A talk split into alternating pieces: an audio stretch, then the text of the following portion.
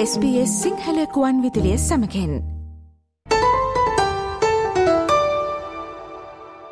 ඔබ දන්නවා මේ වන විට නව පාසල්වාරය ආරම්භවෙමින් පවතින බව. ඔබ ඔබගේ දරුවා අලුතෙන් පාසලකට බාර දෙන්නට ඉන්නවනම් ඒ වගේම ඔබ රැකියාවක නිරත වෙන කෙනෙක් නම් පාසල් වෙලාවෙන් පෙර සහ පාසල් අවසාන්වීමෙන් පස්සේ දරුවාව රැක බලාගන්න එක ඔබට ගැටලුවක් නම් මේ කතා බහ ඔබට බෙහෙවින් උපකාරිවේවි මොකද කිව්වොත් ඔබ දන්නව ඇති බොහොමයක් පාසල් වල ආෆ්ට ස්කූල් කයා එහෙමත් නැත්තම් පාසල් වෙලාවට පෙර සහ පසු දරුවන්ව රැක බලා ගැනීමේ සේවාවන් සපයනවා. ඉතින් අද දවසේ අපි අවධානය යොමු කරන්නට හදන්නේ මේ සේවාවන් පිළිබඳව. අද සාකච්ඡාවට අපිත් සමග එකතු වෙනවා පෞද්ගලික පාසලක බාහිර පාසල් රැකවරණ සපයන්නයක්. එහෙමත් නැත්නම් අවත්සයිට් ස්කූල් ලව කෑඩියුකේට කෙනෙක් ලෙස සේවය කරන තිලිනීහලවත්ත අයිබෝවන් තිලිනි අයිබෝවන් කවින්ද. තිලිනි සාකච්ඡාව ආරම්භයේදීම මම දැනගන්න කැමති මෙම සේවාව හරහා මූලික වශයෙන් සිද්ධ වෙන්නේ මොකක්ද කියන දේ ගැන. ඔව් කවින්ද. Outside school කයා. එහෙම නැත්නම් පාසලට බාහිර වෙලාවන්හි රැක බලා ගැනීමේ සේවාව මගින් මූලික වශයෙන් සිදුවන්නේ. කාර්යබහුල වගේම රැකියාවන් සඳහා පිටත් වෙන දෙමාපියන්ගේ දරුවන්ව පාසල් ආරම්භ වීමට පෙර වගේම පාසල් අවසන් වීමෙන් පසු රැක බලා ගැනීම. ඒ වගේම පාසල් නිවාඩු සමයේදී දරුවා රැක බලා ගැනීම මෙන්න සේවාව මගින් අපි සිදු කරනවා. හොඳයි. සේවාව ලබා දෙන වෙලාවන් කුමන වයස්කාන්න සඳහාද මේ සේවාව ලබා දෙන්නේ සහ ඒ සම්බන්ධයෙන් සිදුවෙන අයකිරීම් කොයි විදිහටද වෙන්නේ. ඔව් සේවාව ලබා දෙන වේලාවන් ගැන කතා කළු මේ පාසලෙන් පාසලට වෙනස් වෙන්න පුළුවන්. අප ආයතනයේ පාසල් ආරම්භ වීමට පෙර සේවාව උදෑසන 7 සිට 8:30 දක්වා පාසල් අවසන් වූ පසු පස්වර 3 සිට 6:30 දක්වා ක්‍රියාත්මක වෙනවා. ඒ වගේම නිවාඩු සමයේදී මේ උදෑසන 7:15 සිට 6:15 දක්වා පැවැත්වෙනවා. මෙම සේවාව බොහෝ වශයෙන් සිදුවන්නේ ප්‍රාථමික අංශයේ දරුවන් සඳහායි. ඒ කියන්නේ පෙර පාසල් එහෙම නැත්නම් කින්ඩර්ගාඩන් සිට 6 ශ්‍රේණිය දක්වායි. අයිතිරින් ගැන කතා කළොත් මේ ආයතනයෙන් ආයතනයට වෙනස් වෙන්න පුළුවන්.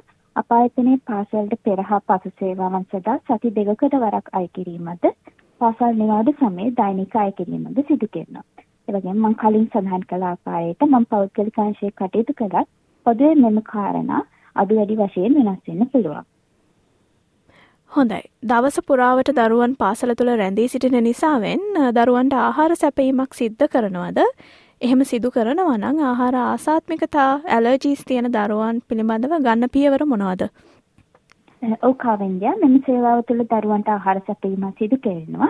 පාසල් ආරම්භ වීමට පෙර උදෑසන ආහාර වේලාවත් පාසල් අවසන් වූ පසු ආහාර වේලාවද ලබා දෙනවා.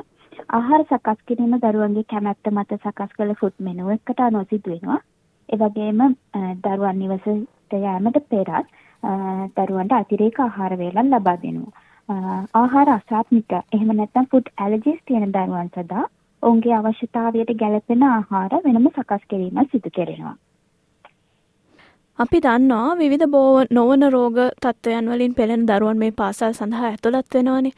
ඒ වගේ දරුවන් රැක බලා ගැනීමේදී ඔබ මොන වගේ පියවරද අනුගමනය කරන්නේ? ඒ සඳහා ඔබ පුහුණුවක් ලබාගෙන තියෙනවද කියලත් අපි සඳහන් කරමු. ඔව් ඔබ සඳහන් කළ ආකාරයට විවිධ බෝර් නොවන රෝගී තත්ත්වයන්ගෙන් පෙළෙන දරුවන් සමග අපිට කටයුතු කරන්න සිදු වෙනවා. උදාහරණ වශයෙන් ඇදුම, දියවැඩියා වගේම ADHD, autism, SPD වැනි රෝගී තත්ත්වයන්ගෙන් පෙළෙන දරුවන් සිටිනවා. එතකොට ඒ අවස්ථාවලදී අපි දරුවන්ට ඔවුන්ගේ රෝගී තත්ත්වයන්ට ගැළපෙන පරිසරයක ක්‍රීඩා කිරීමට නිර්මාණය කරනවා. ඒ වගේම එවැනි අවස්ථාවන්දී අපි කටයුතු කරන්නේ කොහොමද කියලා අප ආයතනය මගින් කාර්ය මණ්ඩලයට වාර්ෂික ප්‍රථමාධාර වැඩසටහනක් වගේම හැසිරීම් කළමනාකරන පුහුණු වැඩසටහන් පවත්වනවා. හොඳයි.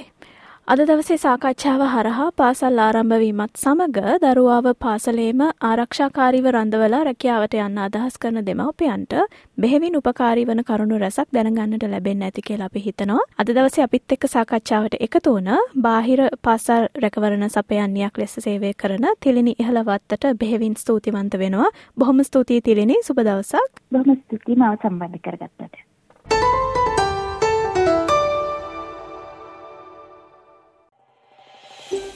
මේ වගේ තවත්තොරතුරු දැනගන්න කැමතිද. එහමනම් Apple podcast Google podcast Spotify ඔබගේ පොඩ්කාස්ට ලබාගන්න ඕනෑම මාතයකින් අපට සවන්දය හැකේ.